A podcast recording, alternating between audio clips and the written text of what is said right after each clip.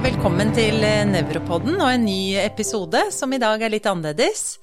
Og det skal handle om eh, nevrologiske sykdommer opp gjennom tidene, og også diagnostikk. Ja, og i dag er det du og jeg, Jeanette, som sitter i et litt mer hjemmesnekra studio. Ja, vi sitter i hjemmet til Ragnar Stien, som kan mye om eh, eh historie og nevrologi. Velkommen, Ragnar. Takk skal dere ha. Da tenkte vi egentlig at vi skulle tilbake til egypterne, vi. Det syns jeg er fornuftig, for all sånn god historie begynner med egypterne, vet du.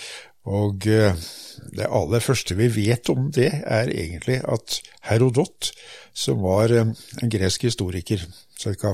400-500 år før Kristus, han skriver noe ganske artig, nemlig at hos egypterne så har legene forskjellige spesialiteter. Blant annet har de en spesialitet som, som driver med sykdommer i hodet. Så vi kan jo si at nevrologi er en svært gammel spesialitet. Ja, Så det var kanskje de første nevrologene eller nevrokirurgene, eller en samlet Det var nok de første nevrologene, fordi egypterne var ikke så opptatt av hjernen. De var jo så opptatt av at man skulle, skulle bevare alt av legemøter, men hjernen tok de og dro ut og kastet. Ja, for den trodde de ikke noe særlig på, eller? Nei, de trodde ikke noe særlig på den. Jeg tror det var omtrent som med, med, med de gamle greske legene. De oppfattet jo hjernen som en kjertel som skilte ut slim gjennom nesen. Ja. Så den var nok ikke så høyt i estime som vi kanskje kunne håpe og tro. Men, men, hvorfor er det funnet skaller med hull i, da, fra tidligere tider? Ja, Det er funnet i flere kulturer, og blant annet også i Norge. Den nye elvmannen som man fant på Varangerhalvøya, den er jo nesten 5000 år gammel. Og der er det jo gjort en trepanasjon, med antagelig med en steinskrape. Og eh, man har skrapt et ganske stort område, så, så beinet ble ganske tynt. Og så har man laget et, også et hull i midten. Ja, det hørtes vondt ut. Hva? Ja, det hørtes vondt ut. Det hørtes vondt ut, for ja. de hadde neppe noen, eh, noen anestesi, så det var nok mange som holdt ham. Men, eh, men, de har jo gjort det, og han har overlevd. Fordi det er kommet beinnydannelse i, i denne, denne trepanasjonen. Hvorfor de gjorde det, vet vi jo ikke, men ut fra folkemedisinske overleveringer så kan vi tenke oss tre forskjellige ting. Det ene er at man skulle slippe ut onde ånder, demoner, som da særlig ble knyttet opp til psykiatriske sykdommer. Eller man hadde epilepsi, som man jo også forbandt med demoner og den slags ting. og Kanskje man, denne pasienten hadde hatt svære epileptiske anfall, eller han hadde kolossale hodepiner, sprengende hodepiner, kanskje Horton, mm. mm. som eh, jo nettopp kunne tenkes å gi anledning til at man åpnet opp for at denne sprengende fornemmelsen skulle gi seg. Ja, Sånn at de tenkte at det var en behandling på De tenkte nok at det ja. var en behandling, det er i hvert fall det vi tror, og det er funnet slike hodeskaller flere steder. Men hvor er det de boret av da, vet, du, vet man noe om det? Borer i skallen? Nei, man boret og åpnet Var det tilfeldig? Og, ja, litt tilfeldig var det nok, kanskje, men det var mest midt oppå. Mm. Og etter hvert opp gjennom middelalderen, og litt seinere også, så fikk man jo denne forestillingen om at psykiatriske sykdommer skyldtes en stein som presset på hjernen, slik at man eh, hadde sånne Tasken-spillere som reiste rundt i Europa og skrapte høl i huet på folk, og eh, så tok ut en stein som de da hadde tryllet frem og viste til, eh, til pårørende og andre som betalte for dette. Så, mm. så, dette var litt industri det, den gangen? Det var, ble jo etter hvert i hvert fall en sånn litt eh, ja, tvilsom historie, da. Så tidligere professor i nevrokirurgi, Christian Christiansen, han samlet veldig mange bilder og slike ting om dette, så der finnes det gode opplysninger om hvordan det foregikk. Men størrelsen på de hullene, da, var de de samme, eller var det forskjellige størrelser? Ja, de var ikke så veldig store, det var de Nei. ikke. Så, og pasientene overlevde jo stort sett, så det var ikke, men det var jo forferdelig, for de ble da fylt med rom og andre sånne ting, og så holdt man dem, og så skrapte man høl i huet på dem. Uffa meg. Ja, Men eh, da må vi jo tilbake til Egypt. Hva var det de gjorde i Egypt? Nei, altså De gjorde ikke trepanasjoner sånn som vi vet, som vi vet da, i hvert fall. Men de, for de tok bare De, de balsamerte jo de døde, eller i hvert fall de som betydde noe, de ble balsamert. Og så, etter balsameringen, så trakk man hjernen ut gjennom nesa. Hvordan gjorde de det? Ja, De hadde noen spesielle instrumenter med haker på, og da var jo hjernen balsam, eller stiv, altså. Så, eller i hvert fall semistiv, da. Ja. Så man kunne altså trekke den ut gjennom nesa. Og de brydde seg ikke om å putte den i, i kar, som de gjorde med tarmer og alle mulige andre organer. Nei, Så den var ikke noe verdifull? Verdifull ikke i det hele tatt. Så de brydde seg ikke om den. Nei.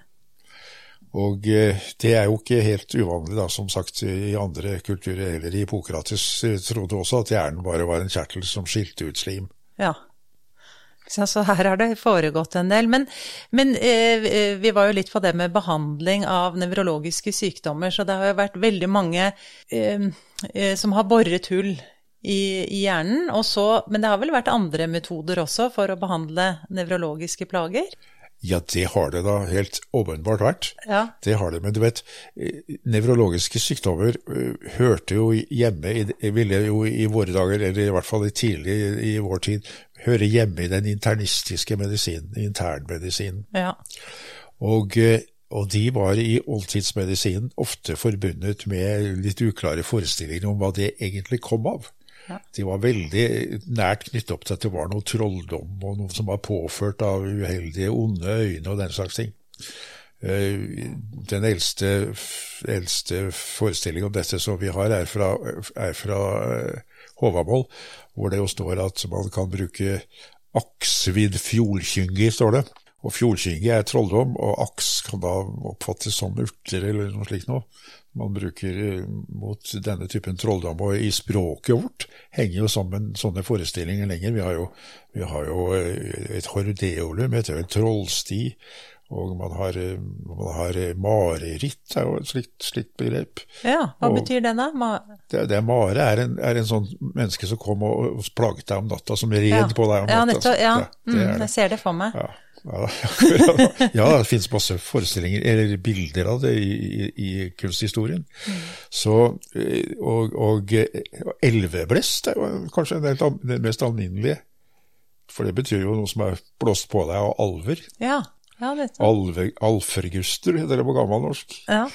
Og, eh, og eh, elleskutt på dansk betyr at du har mista forstanden. ja. Så, så det finnes massevis av sånne ord som vi fortsatt har i, i, i språket vårt, som, som, som akkurat beskriver det at man trodde den type sykdommer nok var påført oss av sånne litt tvilsomme magiske ting. altså. ja. Så behandlingen av det var da veldig varierende, selvfølgelig. Sånn som for eksempel, eh, men, men så kom det jo etter hvert utover i mellomalderen eh, Man trodde jo på humoralteorien. At, at det var disse fire kroppsvæskene, og, og fuktig og kaldt og tørt og, og, og varmt, eh, som da korresponderte med dem igjen. Og da gjaldt det å få homeostase. Det at Ja. sykdommer skyldtes eh, feil fordeling av disse væskene. Ja, Vi har jo snakket om det tidligere faktisk i podkasten, dette med likevekt kaller jeg det. Likevekt heter det. ja. Og det er jo en del sykdommer som hvor likevekten Ja, nettopp. Det gjaldt altså å ta vekk noe, hvis det var noe ja, ja, ta, årelating f.eks. Mm. Eller til, og krustere og sånt, eller tilføre ting. Og så hadde man da etter hvert planter som, tilga, som nok hadde farmakologiske effekter. Og man fikk sånne urtebøker à la Henrik Harpestrengs her i Norden. Hvor man da delte inn eh, plantene i tørre og våte eh, egenskaper, eller fuktige og varme. Og så hadde man trepp, trappetrinn i dette, fra én til tre. Og så gjaldt det da å forskrive, finne ut av hvor pasienten befant seg i dette systemet. Og så gjaldt det å tilføre det som man manglet eller hadde for mye av å ta vekk. Men hvilken sykdommer er det, altså sånn som epilepsi, da, hvordan behandlet man det? Med tørt eller vått, eller Det eneste jeg gadd å si til disse her, var at hva er det som styrker hjernen? Tett styrke er hjernen, som det står i, i harpestreng. Og, og det var sennep, av alle ting. Ja. Og, sen, og det finner man i ma veldig mange gamle legebøker, at sennep i forskjellige varianter tett styrker hjernen. Ja, Men det tømmer kanskje tarmen òg, eller? Vi Tar man ikke sennepsbrød da? Kanskje det hjalp litt også? Kanskje det hjalp litt, jeg vet ikke. Men det er klart at de hadde, hadde nevrologiske altså Fallesyke ble behandlet på veldig mange forskjellige måter, med forskjellige medikamenter og med, med amuletter, og man leste og, ja, og slo runer osv. Prøvde og feilet veldig mye opp igjennom, da. Veldig mye med, med, med fallesyke, det er, det er, helt klart. Ja, Men når begynte egentlig man å skjønne litt mer om nevrologiske sykdommer, hvis vi skal begynne å gå til sånn mer moderne nevrologi, eller vil du gjerne si noe mer Nei, om den? Nei, altså, altså, man hadde jo litt veldig varierende begreper om hvordan nervesystemet fungerte, vet du. Ja. Man, man, trodde på denne spiritus anima, som, som, og at nervetrådene, nervetrådene altså en, en, et, et, et, nevron er jo egentlig eh, noe som betyr sene, så man skilte ikke ordentlig mellom sener og nerver når man eh, så på Jeg så ikke forskjell? Nei, Kanskje det var ikke så lett heller var Men hvor og når er vi nå da? Da, da er vi jo i, i, fra Galen og utover, altså fra 200 og utover etter Kristus. Nei, man begynte ikke, og, man trodde at gjennom disse nervetrådene, som var tubuli, kalte man dem, nervetubuli, så gikk det en spiritus animus gjennom dem, fra hjernen og ut til de forskjellige organene, og den andre veien også. Og, og, og, hvordan dette kunne gå så fort, det hadde man nok ikke noen helt sikker forklaring på. Nei. Men, og dette holdt seg til langt utover på 1700-tallet, men på slutten av 1700-tallet skjedde det endringer. Ja da begynte man å få Det som i det vesentlige endret på dette, var jo det at man kunne bruke elektrisitet som, som eksperimentmiddel. Ja.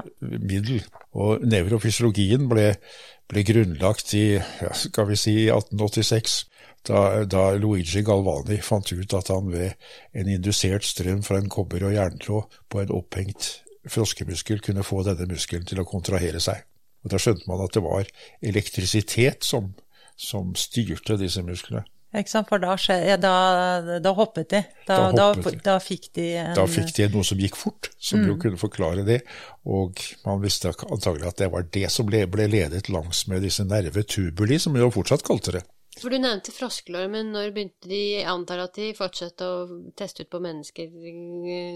Ja, Problemet var jo at de hadde ikke noen god, eh, stabil elektrisk kilde, ikke sant? Nei. Så, så, så endringen der kom med Alexander og Volta, mm. som, som, i 1799 greide å vise at man kunne lage elektrisk strøm av kjemisk vei. Og da fikk man altså batteriet. Man kunne lagre elektrisk strøm, og man ja. kunne få det ut igjen fra, fra batteriet. Og da begynte man å eksperimentere med nettopp sånne ting som du sier, å få mm. forskjellige Man, man påviste eh, refleksbuen, f.eks. Eh, ja. Ganske elegant, å skjære over nerver her og, og, prøve å stimulere på forskjellige steder. Man fikk elektrisitet i en håndterbar form, og da skjøt dette fart utover på 1800-tallet. Og så ble jo dette en, en mote. Hvordan da? Ja, så Elektrisitet ble den store moten i, i medisinen uh, generelt. Det var jo noe nytt og veldig spennende. og Man kjente jo at det nappet og gjorde at man fikk bevegelser i lamme muskler osv. Ja, Så man kunne behandle man med strøm? da? Man kunne kanskje behandle med strøm. Så da ja. dukket behandling med elektrisitet på, elektrisk, på nevrologiske sykdommer dukket opp på denne tida. Mm. Og, og slik ble også norsk nevrologi grunnlagt på bakgrunn av det. Hvilket årstall er vi da? Eh, da er vi Starten er rundt 1830. Fordi den eh, Altså, det var jo da et nytt universitet i Kristiania. Og da de skulle ansette en ny professor i kirurgi etter Tulstrup, som var den første, så ansatte de Kristen eh, Heiberg, som var en bergenser med mange talenter. Og han er på mange måter grunnleggeren både av øyesykdomsspesialiteten og nevrologien i Norge. Han, eh, han dro ut på han, da, ja, han ble ansett som professor i 1836, men i 1833 dro han på en sånn dannelsesreise rundt i Europa for å se på medisin. Og Da står det i hans biografi at han også for Remax elektriske behandling fikk interesse. Remak var da en indremedisiner med nevrologiske ja, med spesialinteresser, som eh, altså hadde vi begynt med dette med å behandle nevrologiske sykdommer med elektrisitet. Og eh, da han kom hjem, så la han inn fikk han tak i batterier, og så la han inn ledninger på alle stuene på, på kirurgisk avdeling på Rikshospitalet. For å behandle Alt mulig. Ja. Hva, hva, men eh, gi noen eksempler. Er det da lammelser? Ja, selvfølgelig. Det er, det er, på en måte det som bygger seg med en gang. ikke sant? At man kunne få lamme muskler til å trekke seg sammen. Det, det, det sier liksom seg selv at det var mm. det. Det prøvde man. Men man prøvde på alt. Prøvde på tumor. Ja. ja, det fins eh, artikler i, i, i, i, norske tidsskriftene for hvor man har behandlet tumor med elektrisitet. Det hjalp ikke noe særlig. Nei. Og etter hvert så dabbet nok litt den der gløden av. Ja, Så det var en del sånne trender opp igjennom? Trender, det har det alltid vært. Med ja, sånne moter i medisin. Men så, og, da, og det er det som er det interessante, i 1856 så skriver Kristen Heiberg et brev til direksjonen på Rikshospitalet og sier at uh, at eh, elektrisk behandling av sykdommer har eh, tatt ganske stor overhånd. Og, de, og, kandidatene på hans avdeling er veldig opptatt av å drive med elektrisk behandling til fortrengsel for deres andre forretninger, som det står. Det vil si at de lærte jo ikke da så mye kirurgi, for de drev med denne, denne eh, elektriske behandlingen. Ja. Og han sier at da blir det jo heller ikke gjort som det kanskje burde, fordi, fordi kandidatene skifter jo hele tida. Så han foreslår at direksjonen ansetter en egen mann til å utføre disse forretninger. Ja, en elektrisør. Det, ja, nettopp. Så der kommer den første Der kommer det første forslaget. Eller? Ja, så, så det merkelige er jo at, at Rikshospitalets direksjon ansatte en elektrisør lenge før Departementet for det indre approberte dette og bevilget penger til det. Så allerede i 1858 ansatte de en elektrisør, som for øvrig var den første professoren i, i fødselshjelp, til like med fruntimersykdommen, som det står, Edvard Skjønberg, som jo også skrev den andre læreboken i medisinsk historie i Norge. Oi. Han var veldig interessert i det. Hans doktoravhandling var om fødselsdagens historie. Nå kom det. De fikk en elektrisør og denne elektrisøren satt ikke så lenge i jobben. Det var, dårlig avlønnet, og de hadde vel ikke noe så veldig god bakgrunn for å gjøre det heller, så mange så nok på det som en, et slags eh, karrieretrinn, og så forsvant de ut av det igjen. Men i 1875 fikk de en mann som het Arntzen, Adam Arntzen. Og han, helt, han, er en helt spesiell mann i norsk eh, nevrologisk historie. Han var eh, lensmannssønn fra Sandnessjøen. Han, eh, Faren døde, og da satte mora ham i malerlære. Men det syntes ikke den unge mannen var noen ting, så han kjempet seg til en plass på Trondheim katedralskole, hvor han tok eksamen som presbyterist. Og så begynte han å studere medisin, og så var han veldig interessert i fysikk. Så umiddelbart etter at han var ferdig Han, underviste i histologi for de yngre studentene under sin studietid, og han ble ansatt som lærer i fysikk på krigsskolen. Så han var ikke noen smågutt sånn. Og seinere så uh, vikarierte han som professor i fysikk, faktisk. Oi, så, så, han hadde mange talenter? Han hadde mange talenter, og han skrev to sånne gullmedaljearbeider. Den ene om elektrobehandlingen, og den andre om melkekjertlenes fysiologi. Ja, det var Men vi, må, vi, vi, får vel komme litt tilbake til nevrologien? Kristen Heiberg startet det jo, og fikk til denne stillingen. Ja. Eh, Adam Arntzen var den som ga den innhold. Mm. Fordi han skrev også en lærebok i elektroterapi som ble brukt over hele Norden. Og han skrev flere artikler om, om, effekten av elektrisk strøm på forskjellige funksjoner og forskjellige sykdommer. Så han var en artig fyr, altså. Men så ble han jo da, i 1885, så ble han, ble han uh, sjef for Justervesenet i Norge. Ja. Han innførte sammen med Ole Jakob Rock Eh, metriske systemet i Norge. Og han var da helt til han var over 80 år, så var han sjef for, for, for justervesenet i Norge. Men da i 1885, da, etter hvert, så, så, ble det da en ledig jobb. Og det var eh, slik at Rikshospitalets direksjon henvendte seg til en yngre eh, indremedisiner, som da var reservelege på, på, på medisinsk avdeling på Rikshospitalet, og lurte på om ikke han ville ta denne jobben. For han hadde en doktorgrad om, om, eh, om, eh, hjerne, om, sentralnervesystemets anatomi, spesielt med tanke på lokalisasjonsfunksjoner. Og eh, det avstedkom at han skrev et langt brev til direktøren og sa at det kunne han tenke seg. Men han forlangte at det skulle opprettes en egen stilling for, for en nevrolog som hadde plikt til å undervise de medisinske studentene i nevrologi og elektrisitetslære. At han fikk en egen poliklinikk, og at han fikk eh, volontører, som han sa, eller altså da underordnede leger fra medisinsk avdeling til å tjenestegjøre i kortere eller lengre tid hos ham. Stillingsinstruksen Det var det hans, han og det var det han fikk rundt seg. Ja, han, altså du vet, De medisinske professorene steilet jo og sa at det var all verden, dette vil vi jo ikke ha. Vi har altså, i- Nevrologi hører hjemme i indremedisin osv., vi ikke har ikke noe bruk for ja, en Nei, egen for han ville ha en egen avdeling, han, med sine Han- egne folk. Han fikk jo ikke det han fikk, men han fikk en poliklinikk. Han fikk utstyret han trengte. Han fikk lov til å hente inn eh, hjelpere fra de medisinske avdelingene. Så fra det tidspunktet av så har vi altså en, en, en, en lege som er tilsatt i en stilling for å undervise akademisk i nevrologi. Så norsk nevrologi stammer da fra det tidspunktet. Ja, og en gang til hva han het. Han, han het Kristoffer Legård. Ja, ikke sant? Så Blom det er- Legård. Kristoffer Blom Legård het han. Og, eh, og han ble jo forholdsvis raskt ak akseptert, og han fikk bedre lønn enn de, ja, han fikk som de andre overlegene for, for så vidt på Rikshospitalet. Og i 1893 så ble han tilforordnet som dosent i nervesykdommer. Og i 1895 så ble han tilforordnet som professor, og han fikk en egen avdeling. Ja, så der startet norsk nevrologi. Men samtidig så skjedde det jo en del i Europa, da. Ja, altså, du vet jo, I Paris hadde man jo da et miljø allerede, som jo en egen avdeling og en egen professor i nevropatologi. Den berømmelige Jean-Martin Charcot. Ja, han bør alle Han bør unge nevrologer også kjenne til. om, ja, det Jeg sier det en gang til. ble- Charcot. Ja, Charcot ble professor i 1875.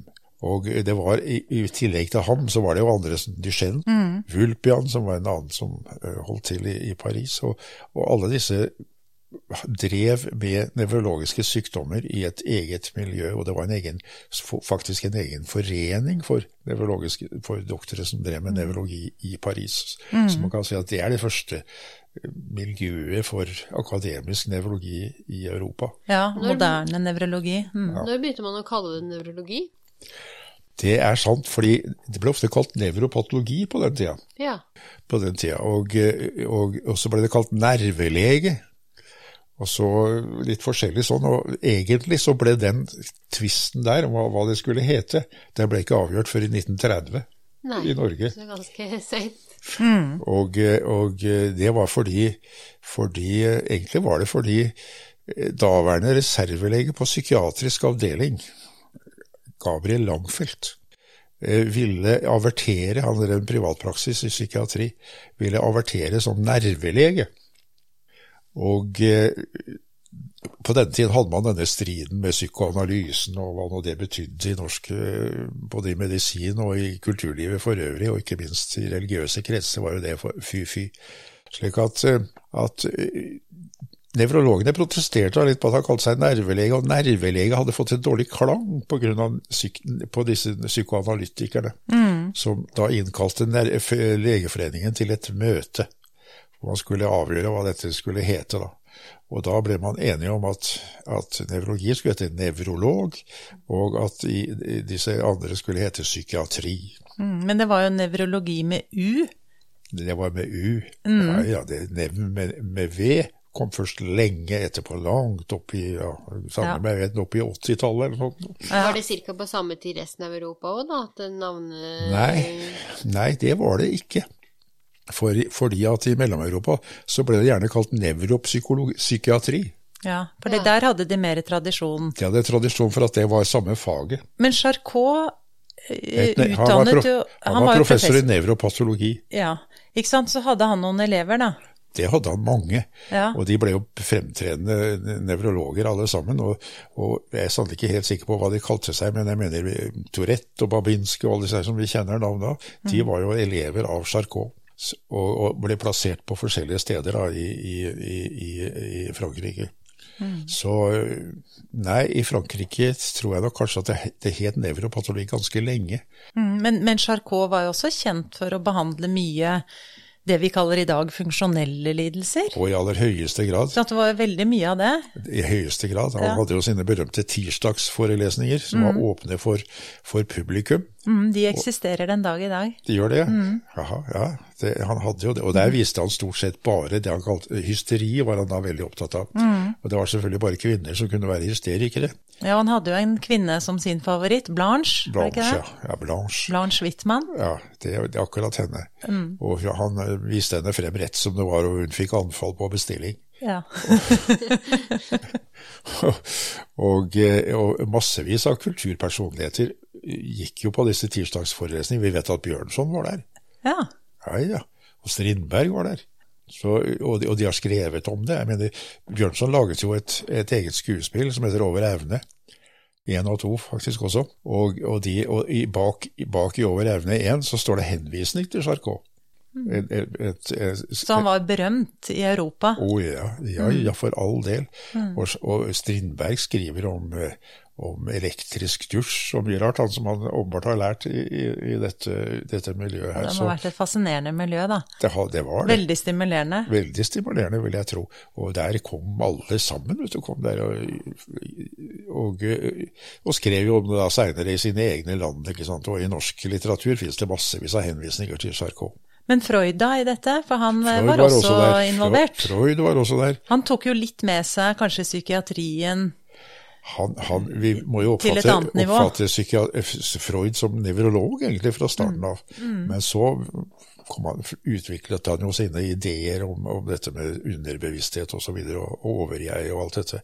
Mm. Så han kom jo litt vekk fra det. Men i starten var han jo klart en organisk orientert nevrolog. Mm. Og ble lært opp av Charcot. Og var hos Charcot, ja, ja, ja. Det var han. Mm. Det var jo på mange måter det stedet i Europa hvor man kunne lære dette her. Ja. Det var ikke så mange andre akademiske læresteder for spesifikk nevrologi. altså. Men var det noen nordmenn som reiste ned dit og lærte? Vet vi noe om det? Det vet vi ingenting om. Det vet vi ikke. Det, så vidt jeg vet, så var ikke, ikke eh, Legård der. Han var jo da den eneste, egentlig, som, ja. som, satt i en sånn posisjon. Han var i Frankrike, og han var i, i Berlin hos Remak, og han var hos Romberg. Men, men, Romberg han var øre-nese-halslege, eller var han nevrolog, han? Han var indremedisiner. Ja, nettopp. Mm, Romberg. Mm, ja, der har vi det. Ja. Han var på Charité i, Berlin. Ja. Så, så, han reiste jo rundt, han også. Og, og, og han var kanskje på Salpetriere, det vet jeg jo egentlig ikke. Mm. Men det var nevrologer etter ham som var på Salpetriere, av de som jobbet på, på, på nevrologisk avdeling på Rikshospitalet i ettertid. Mm. Det, en som, som, ble i Paris, var jo Bjarne Eide, som, som jo var nevrolog, utdannet i Norge, men som ble forfatter og journalist og sånn, og slo seg til i Paris. Ja. Ja, for det finnes en del bilder som eh, vi ofte har sett på forelesninger om eh, Eh, sånn som Charcot som står og underviser med hun eh, Blanche Wittmann som står og dåner med hånden opp til pannen, og med alle elevene sine rundt. Ja, det er det berømmelige bildet som henger i Charcot-museet i, Paris. Ja, på Salpetrier. Eh, men, men, man har en del andre bilder også, som jeg av og til ser, og det er blant annet av en mann med en sånn hjelm på hodet med noen ledninger, og det er vel noe sånn elektrisitet som de prøvde å behandle med. Hva var det for noe? jeg, jeg, Hvis jeg husker riktig, så var det en av Tourettes øh, ja, det stemmer. Det tror jeg er helt ja, riktig. Ja, jeg tror det. Så det er noe elektrisitetsbehandling? Ja, ja. De prøvde det, vet du. Alle sammen drev med det. Ja, og så vet jeg at ataksipasienter de ble hengt opp etter tak, eh, taket, så det var jo da traksjonsbehandling. Traksjonsbehandling, ja. Eh, hvor de fikk noen sånne uh, tau under under Sånn selatøy som det ble ja, hengt opp? Ja, og så ble det hengt, hengt opp. Strukket i nakken. Ja.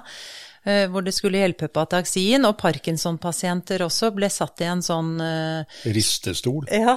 Det ble de. Og kjørt med tog. Kjørt med tog, ja, fordi det gjaldt? Tog rister så fælt ja. på den tida. Så ja. de, kjørte dem i tog. Mm, fordi de observerte at Parkinson-pasienter var bedre da de kom til sykehuset, for da hadde de kommet med hest og kjerre på brosteinen. Eller med toget. Ja, ja nettopp. Ja, Så de prøvde jo ut veldig mye, da. Var det noe annet de prøvde ut som du vet om? Ja, først og fremst var det jo elektrisitet vet du, som ja. var i forgrunnen på den tida der. De hadde dårlige medikamenter. Det hadde, det hadde de noe i det hele tatt? Ja, det, var det sånn type arsenikk og Ja, det var jo altså, litt den typen, og så var det jo etter hvert antikjolinerge midler og sånn som kom på, på banen. Det, Ja. det var det. Men, eh, men eh, den medikamentelle behandlingen var nok eh, heller sparsom. altså Den kom først mye lenger Så jeg mener, den medikamentelle behandlingens gjennomslag i, i, i nevrologien er egentlig et ganske seint kapittel, ja. ja det det, er det. det har du jo helt rett i. Men hvilke tilstander er det som eh, gikk under nevrologi, eller eh, som var mest Ja, aktuelle det på er jo litt interessant, da. For det, Charcot beskrev jo en del tilstander. Han beskrev en del tilstander, men det var nok den tradisjonelle, sånn som vi har i dag, den er nok helt fra Charcots tid. Ja, ALS. ALS var det. Var MS. det- MS. Charcot beskrev jo egentlig MS veldig godt, ja. Ja.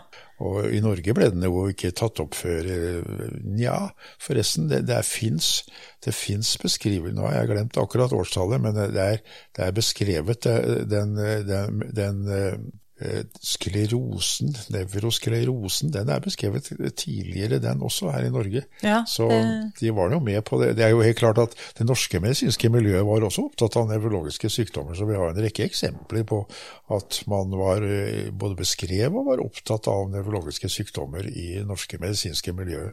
Setesdalsrykkja? det- Setesdalsrykkja for eksempel, ja. Det Mm. er klart. Det, det er det. Og eh, Stengels beskrivelse av, av, av, av Batten, eh, hva heter det, ja, nå har jeg sannelig glemt det også, eh, beskrev jo da tidlig denne, denne lipofusinoser er Ja, beskrevet ja, tidlig. Epilepsi, da? Epilepsi var selvfølgelig og Ja, det var jo fallesyke, så den har liksom vært beskrevet i Den var hele tiden med Ja. det. Det, det. Det interessante med epilepsi er jo at det helt fra oldtidsmedisinen så ble, med, så ble epilepsi og psykoser ofte satt i samme gruppe. Og når Salerno-skolen, som jo var den eneste, eneste akademiske lærested for medisin fra før 1000 og fremover mot middelalderen, så, så, behandlet man altså maniam et epilepsiam, som det står i disse bøkene, det gikk for samme. Og, og, de, og de behandlet dem stort sett med å, med å årelate fra vena cefalica, som jo Stein-Eino-skolen lærte gikk fra hodet og nedover halsen og ned i armen. Og, og det gjør den selvfølgelig ikke, men navnet har vi nå beholdt. Den vena cefalica har, har vi fra Stein-Eino-skolen. Så, og det gjorde de her i Norden òg. Mm, Ja, årelating var jo stort, som du sier. Så det var liksom trender opp igjennom med ulike Ja, ja, det kunne, ja, nå var det jo det å årelate var jo ikke akkurat eh, enkelt. Det var liksom sånn tour du maître å, Ja. å gjøre det. Men, eh, men vi vet at det ble gjort i middelalderen, eller tidlig, ja, nesten i vikingtiden. Vi, i, I den eneste legen som fikk en egen saga i Norden, Ravn Svein Bernarsson. han eh, årelot av sånne anfall. Han tok henne i ædablød, står det. I, i, i ædi feire er han kalla det tjotandi. Det er ganske interessant, fordi ja, Det betyr jo ikke noe annet enn at han, han årelot henne i den åren som han kalte den brusende åren. Og Det må jo bety at han lyttet på kroppslyder. Og, og, og, og Vena folka kan ha sånn brus, så, så han gjorde nok det, altså. Og, og hvor han hadde lært det jeg, jeg tror personlig at han hadde vært i Salerno og lært både det ene og det andre. Så, så forbindelsen mellom Norden og, og, og Syd-Europa var avgjort til stede. Ja, ikke sant. Men vi har jo egentlig vært litt igjennom nå fra tidligere tider og frem til når nevrologi har litt etablert seg som fag, så jeg tenker at vi kan egentlig runde litt av for denne episoden, og så kommer vi litt videre til en ny episode eh, med hva som skjer videre. Det kan vi godt gjøre. Ja. Så er det noe du har lyst til å tilføye eh, på denne episoden? eh, Nei, du vet du bare trykker på en knapp, så, Så kan du fortsette. Ja, vi, vi, skal, vi skal fortsette etterpå. Vi er jo så kommet frem til at vi har fått et, et akademisk nevrologisk miljø i Norge, da. Ja. Det var jo tross alt bare professor og én doktor til. Flere Ja, det- stillinger var det ikke. Det var to stillinger i hele Norge, og da er vi på slutten av Da er 1800-tallet. vi på slutten av Og da begynner det å etablere seg Og også så fikk han eh, en til, så det ble tre. Ja, ikke sant. Og da har det allerede eh, vært en del i gang eh, nede i Frankrike og i Paris. Og så begynner det eh, godt i Tyskland og England også, som du sier, Øst-Europa. Ja, problemet er jo at i Tyskland så kom liksom aldri nevrologien klar av psykiatrien. Nei, ikke sant. Så der henger de tett sammen. Tett sammen helt opp til Men det gjør de nesten i dag 1930-tallet. også, ja. Hang det sammen helt, Ja. helt tydelig sammen. Mm. Og i England fikk de jo dette, denne avdelingen eh, for, for, the, for the paralyzed and the disabled på Queen Square i London, som jo var slags, etter hvert ble en slags mekka for nevrologi. Ja, og de begynte sånn cirka Ja, det er vel Ja, der skal du ta meg på Ja. årstallet, men i hvert fall så var det der rundt 1880. Ja, ikke sant, så omtrent samtidig. Ja, men eh, da tror jeg vi sier tusen takk, jeg. Takk for at du stilte opp. Vær så god. Ja.